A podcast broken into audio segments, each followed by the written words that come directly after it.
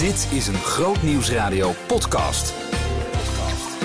Welkom, het is week 43. Misschien luister je wel in week 44. Maar ja, hey, wie onthoudt al die weeknummers? Ik niet hoor.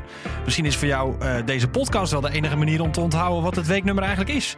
En luister je deze podcast op maandag, terwijl je dan dus eigenlijk alweer in de volgende week zit. Nou ja. Groot Nieuwsradio podcast. Met Maurits Reinoud. Ben je al een beetje duizelig nu of uh, valt het nog mee? Hoe dan ook. Het zijn fragmenten die je in deze podcast hoort uit week 43. En um, wat ik doe elke week is ik pak er even een paar fragmentjes bij die je niet gemist mag hebben. Um, wat ga je in deze aflevering horen? Je hoort Wim Hollebach. Hij is bezig met iets heel bijzonders. Hij heeft een stichting. Uh, Presence Nederland. En um, uh, je kunt op uh, YouTube dat volgen. En er zijn allerlei livestreams die hij, organiseert. En hij heeft iets nieuws bedacht, namelijk bidden voor de politiek in Nieuwsport. En dat dan livestreamen met aanbiddingsmuziek. Nou ja, dat is allemaal heel bijzonder. Daar gaat, um, ga je straks meer over horen. Eerst wil ik even het oog vestigen en vooral het oor op Move Community. Waarom? Nou, we hadden het in, Eureka deze week Jurieke was met uh, vakantie, maar uh, in het programma zaten Lucas en ik. En we hadden het onder andere over social media. En we spraken met Felix Schovers. Hij is een van de oprichters van de Move Community. Uh, een community, of eigenlijk een Instagram en YouTube kanaal. Wat ervoor bedoeld is om jongeren meer in aanraking te laten komen met het evangelie op het favoriete medium wat zij dan gebruiken. En de vraag is aan Felix, hoe kwam je eigenlijk op het idee om de Move Community te beginnen? Um, de aanleiding om te starten met Move, eigenlijk uh, uh, was de aanleiding dat ik het uh, de, mooie content of mooie goede social media accounts die iets lieten zien van wie God is in deze wereld miste op social media. Ja. Um, ik zag dat al mijn vrienden, mijn broertjes, eigenlijk mijn, hele, mijn klasgenoten, mijn hele generatie ontzettend veel tijd spendeert op social media.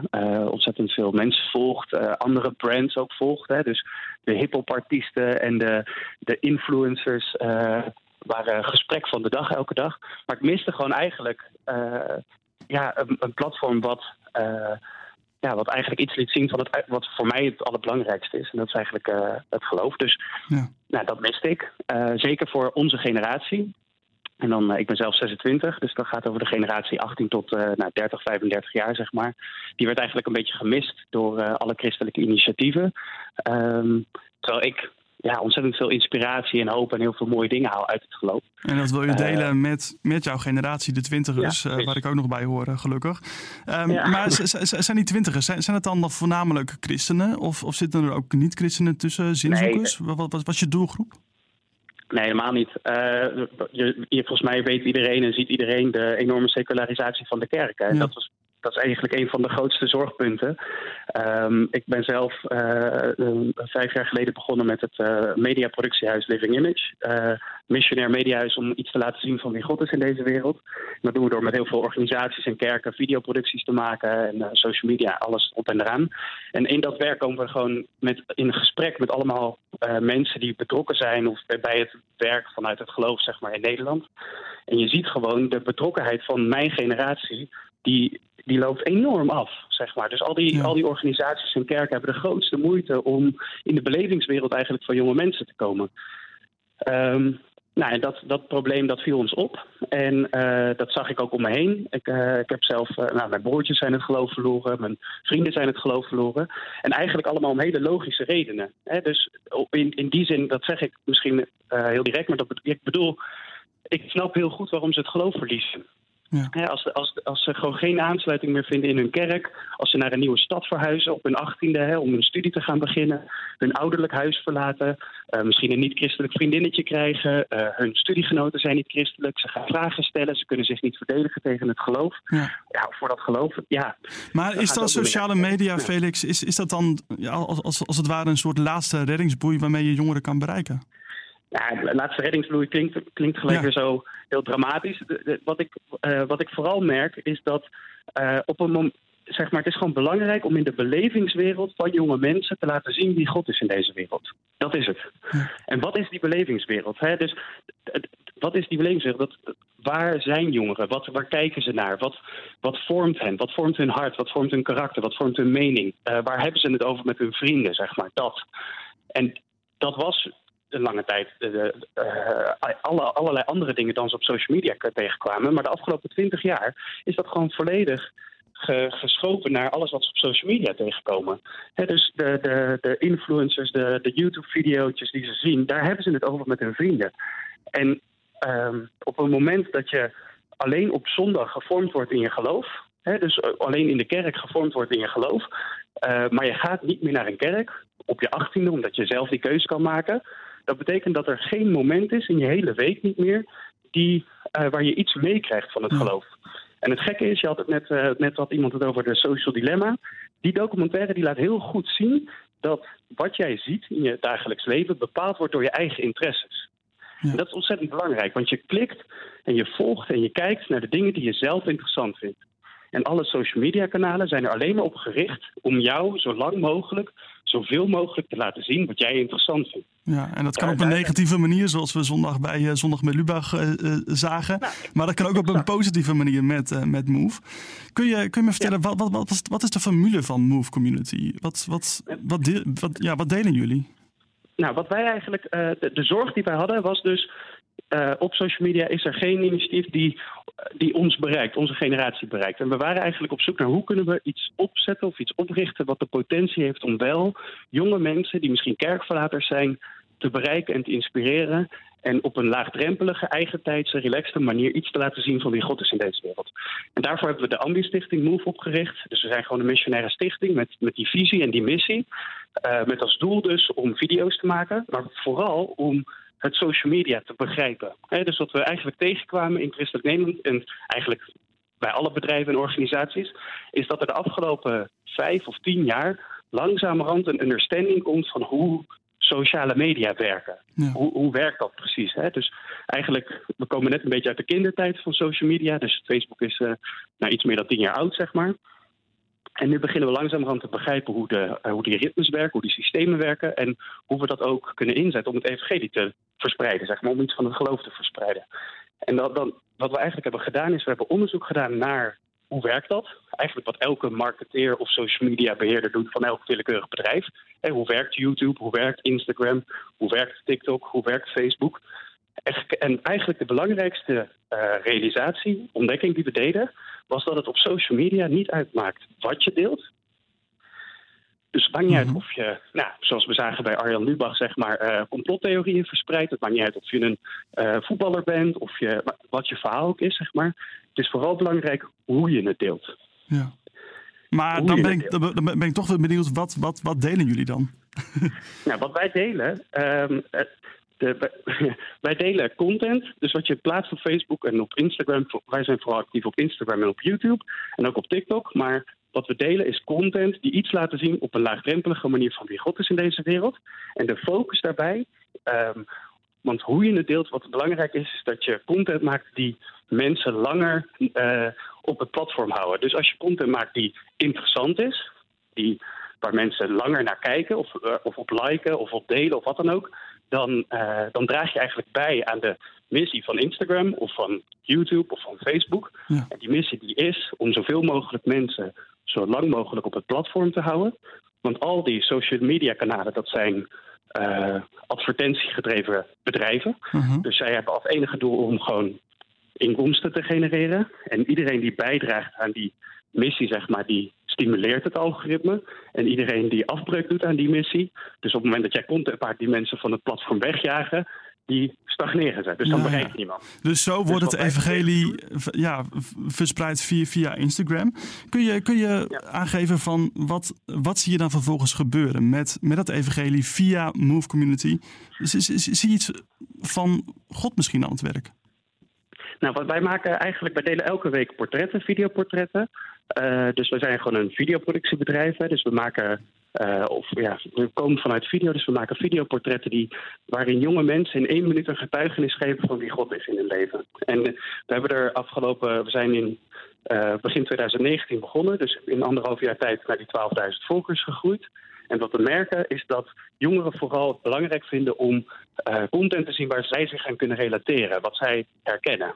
Uh, en eigenlijk ook op de manier waarop zij dat graag willen zien. Dus video is de manier waarop jongeren tegenwoordig content willen consumeren. Ze willen geen lappen tekst lezen of nou ja, dat. Ehm, dus wij vonden het belangrijk om de manier te vinden waarop jongeren graag content consumeren. Dat is video. En content te maken die ze graag willen zien. En dat is dus video's die ze herkennen, die hen inspireren, die hen aanspreken. Nou, daarbij zijn we begonnen. We hebben al meer dan 150 getuigenissen opgenomen.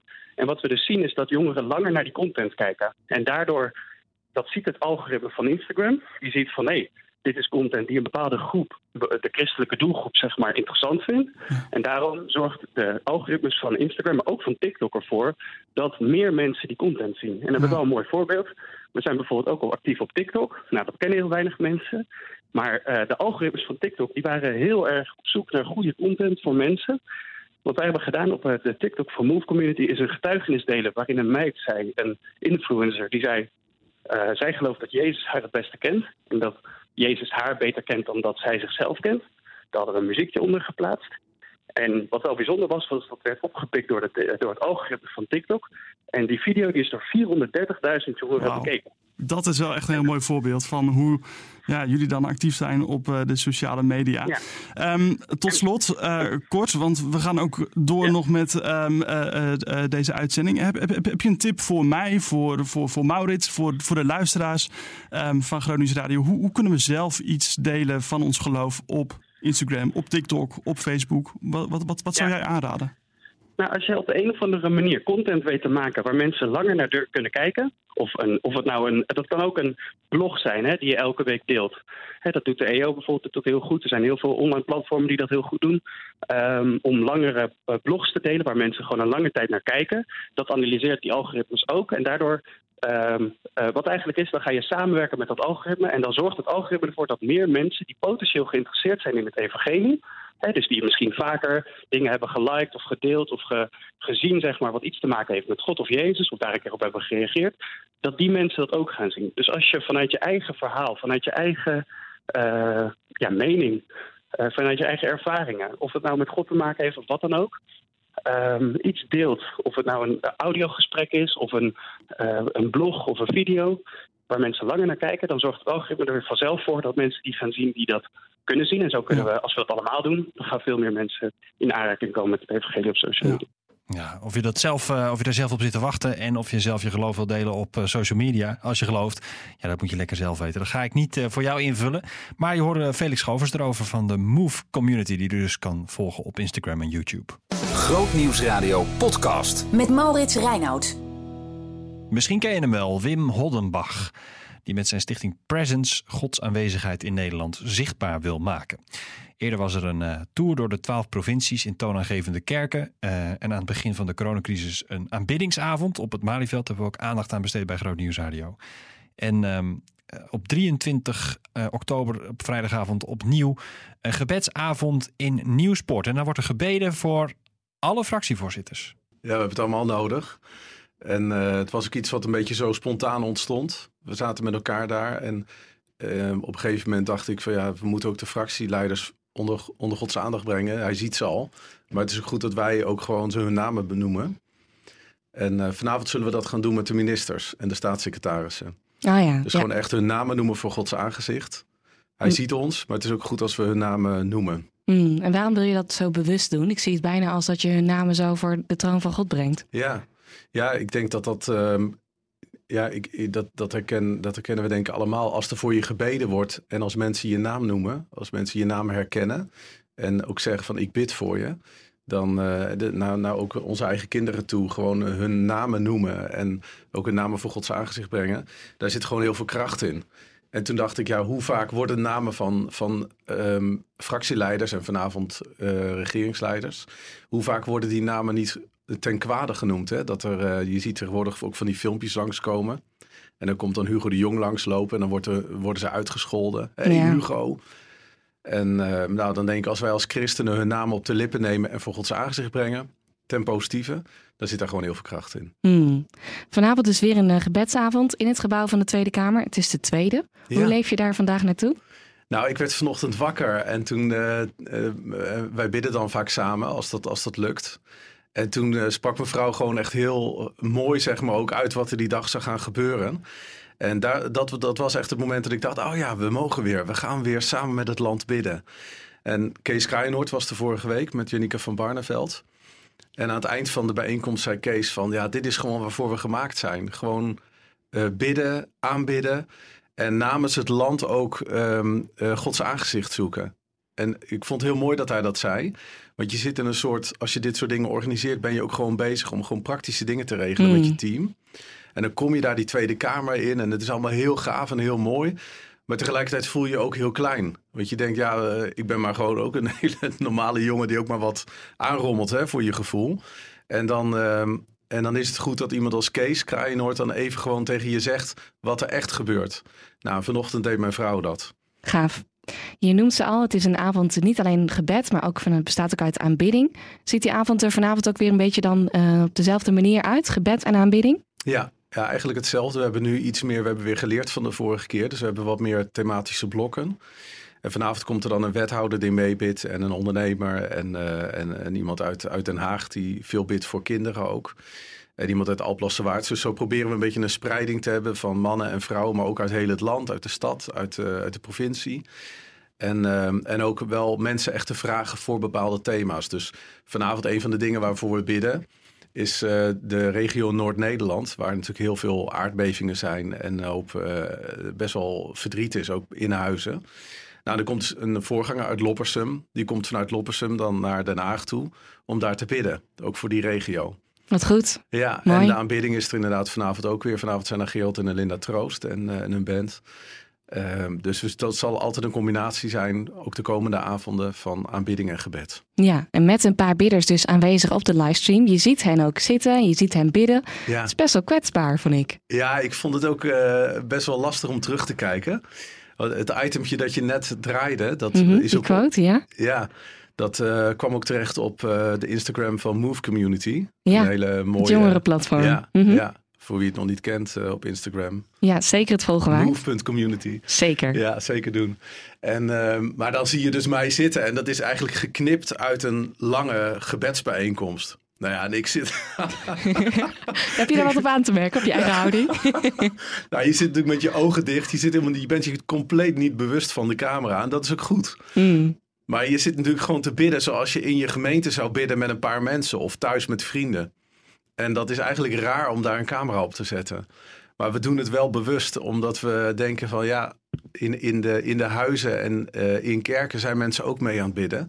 Dus we willen dat voor hen doen en samen met hen doen. Ja. Maar het is niet voor mijn plezier dat ik uh, daar, daar zit, moet ik zeggen. Het is echt omdat we dat voor God doen. En ik heb er ook plezier in trouwens. Mm. Ja, maar het stimuleert inderdaad wel om uh, zelf ook te gaan bidden. Juist omdat het er, nou kneuterig is misschien niet het goede woord. Maar wel omdat je denkt van, nee, maar zij zitten daar ook gewoon. Ze steken hun nek uit door notabene op zo'n livestream te gaan bidden. En dat mogen wij meekijken. Ja. Um, maar de bedoeling is niet alleen meekijken, hè? ook echt thuis mee bidden. Ja, ja, dat gebeurt ook echt. Dat verraste me. Want vorige keer waren we natuurlijk best wel ook wel uh, aan het kijken. Nou, gaat het, gaat het wel lukken? Gaan, gaan daar uh, honderden mensen mee bidden? Wie gaat er nou op vrijdagavond naar een, naar een bidstond kijken? Nou, we hebben verder niet veel te doen. Dus wat dat betreft.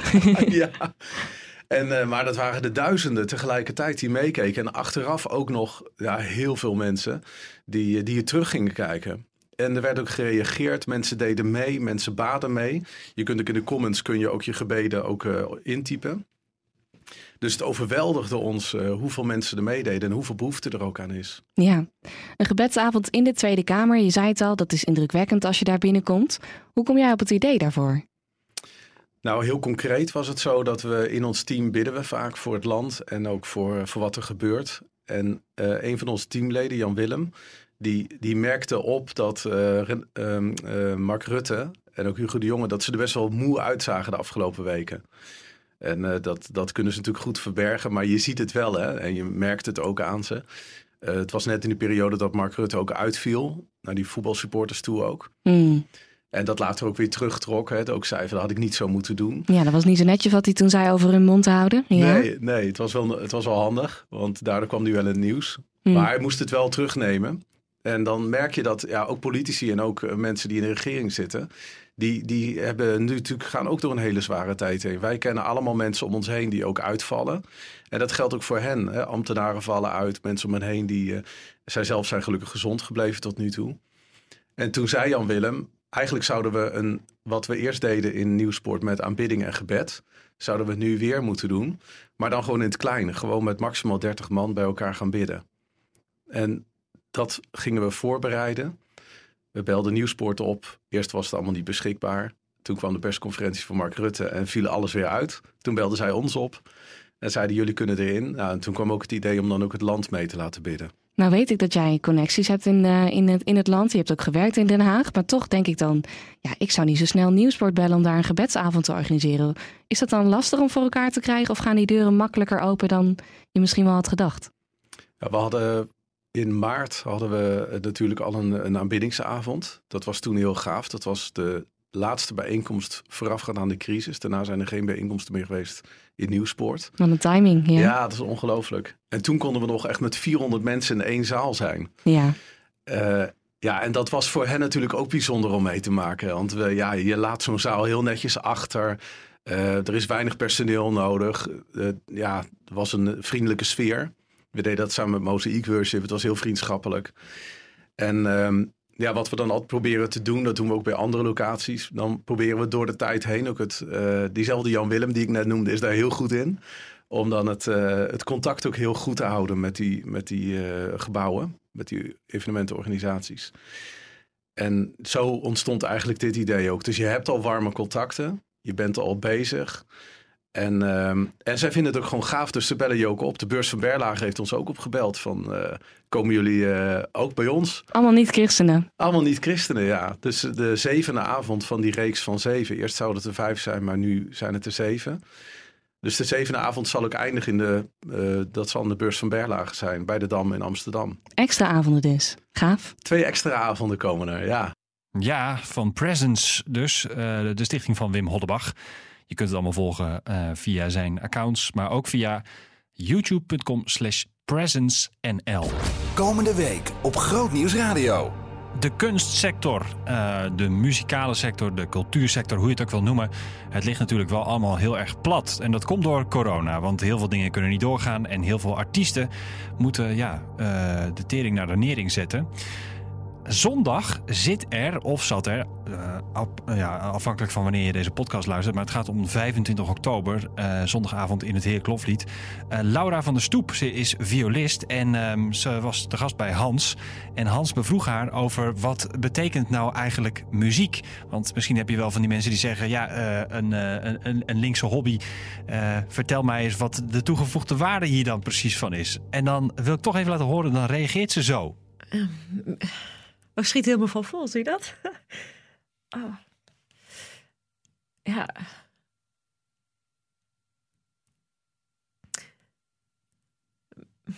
Muziek is echt alles. Muziek is echt, is echt alles. Ik, je kunt me misschien bestrijden, maar als je, als je een baby voor een schilderij zet, is de kans dat er een reactie komt uh, ja, misschien klein. Er komen nu natuurlijk allemaal hele boze mensen op mij af. Maar um, ja, vanaf, van, vanaf het allervroegste begin lokt muziek uit. Lokt muziek een reactie uit. Ja, dit is het begin van een uh, monoloog van Laura van der Stoep. Want Hans heeft daar gewoon laten uitpraten. En dat duurde gewoon en dat duurde en dat duurde. En het is geen, ja, het is in die zin niet echt een interview geworden, dat, dat deel van het gesprek. Maar het is heel mooi om te beluisteren. Aanstaande zondag dus vanaf 7 uur in het Heerlijk Loflied. Dat is uh, zondag 25 oktober. Als je het uh, helaas niet uh, kunt volgen, omdat je dan andere plannen hebt, dan kun je het altijd terugvinden via onze site grootnieuwsradio.nl slash gemist. Um, goed dat je er bent en uh, goed dat je luistert naar deze podcast. Abonneer je, want dan krijg je volgende week automatisch de volgende. En er zijn ook heel veel andere podcasts. Je vindt ze allemaal op... Behoefte aan meer? Grootnieuwsradio.nl slash podcast.